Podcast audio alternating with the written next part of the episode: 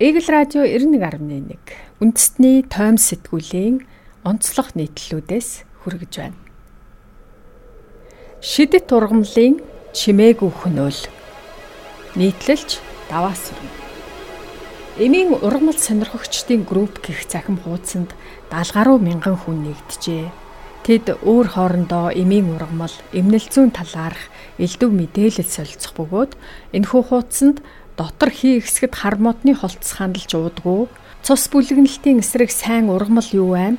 Уушиг зүрх бөөрөнд ямар эми ургамал сайн юм бэ? Нохон хошуу таван салаа сүдийн толгоо авна. Зэрэг зөвлбөрийн зар өдөрт хэдэн зугаараа нийтлэгддэг байна. Түүнчлэн ийш тийш аялж явахдаа түүсэн цуглуулсан ургамлаа борлуулах сонирхолтой хүнч цөөнгүй байв. Тэнд ямар нэг хяналт хязгаарлалт алга Өөрөөр хэлбэл энэхүү байдал нь тал дээрээс дураараа түүсэн ургамлыг гар дээрээс худалдаж аваад дур мэдэн хэргэлдэг бүхэл бүтэн зах зээл бий болсны нэгэн жишээ баримт юм. Товчхондоо эрүүл болохыг хүссэндээ эрүүл мэндээрээ нааддаг эсвэл наатгаар зэхэж буй хэдэн мянган хүн байгааг дээрх баримт илтгэж байна. Эрүүл мэндээрээ наатгаар гэж онцлсонд учир бий. Эми ургамлыг эмчийн зөвлөгөөгүй дур мэдэн хэрэглэх нь үхэлд хүргэх аюултай байдаг бөгөөд байгаль экологт ч сөрөг нөлөөтэй. Малч иддэггүй ургамлыг бид идсээр байна.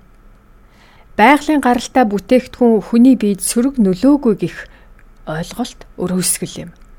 Зарим эми ургамалд химийн бодис их хэмжээгээр агуулгаддаг төдийгүй алкалоид өндөртэй ургамлууд хоруу чанар ихтэй байдаг юм байна.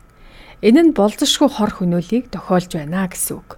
Тиймээс энэ төрлийн ургамлыг хүн битгий хэл малч идэж болдгүй талаар ургамал судлаачид онцоллоо.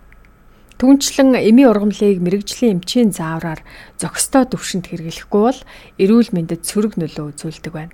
Тухайлбал нохоо хошуугаар компот хийж болдгүй бөгөөд их өтгөн хандал бол цусыг өтгөрүүлдэг Түүнчлэн их шүүдрэг нэг ургамал хортой учир болгоомжтой хэрэглэх шаардлагатай талаар шинжлэх ухаан академийн хим химийн технологийн хүрээлэнгийн байгалийн нэгдлийн химийн лабораторийн эрдэм шинжилгээний дэргүүлэх ажилтан доктор Ганбаатар ярьсан байдаг.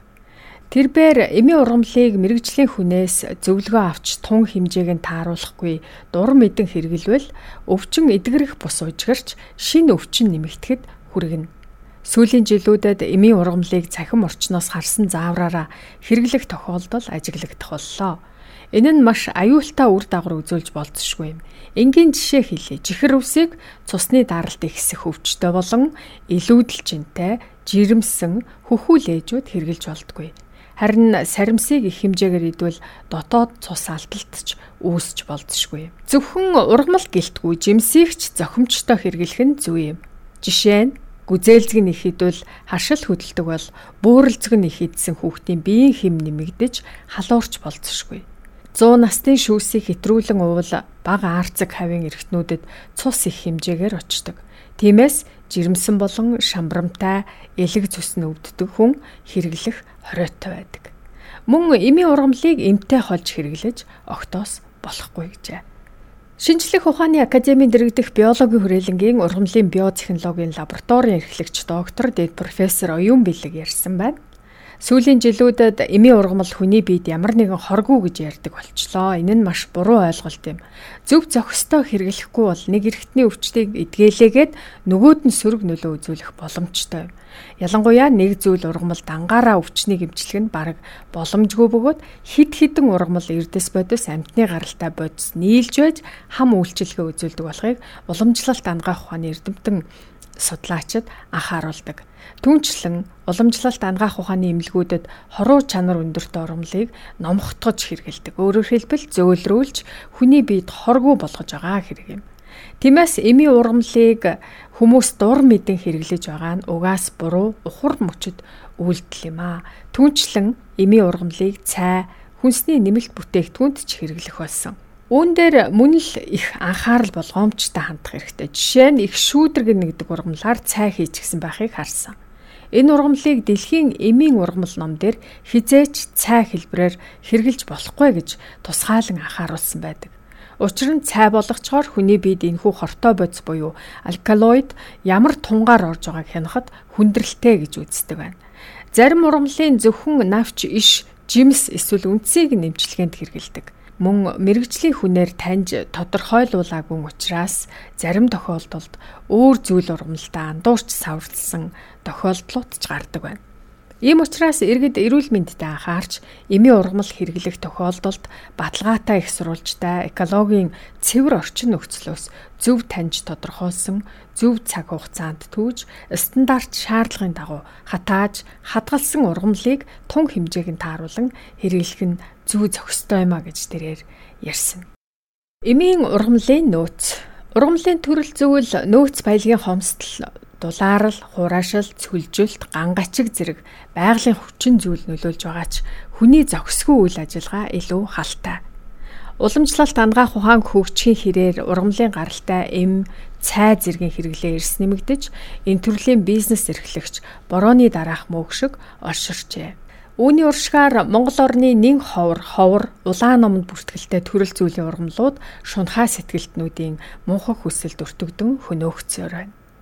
Тэр уулын ингэрт ийм төрлийн ургамал төдий хэмжээтэй бий гэх тодорхой шинжлэх ухааны тооцоо судалгаа байхгүй учраас бид ургамлын нөөцөө барж дуусгад улмал төтөлж байгаа юм. Тиймээс ургамлын аймгийн нийт төрлийн зүйлийг бүртгэж за тэдгээрийн тархац байршил нөөцийг тогтоох зайлшгүй шаардлага үүсэн талаар мэрэгжилтнүүд ярьж байгаа юм. Түүнчлэн ховордлын төлөв байдлын үнэлгээгч мөн хийх нь зөв юм. Улмаар ямар төрлийн ургамлыг хэдийн хугацаанд хэрхэн түүж, хаана, яаж боловсруулж хэрэглэх талаар асуудлыг шийдвэрлэх хэрэгтэй болоод байна.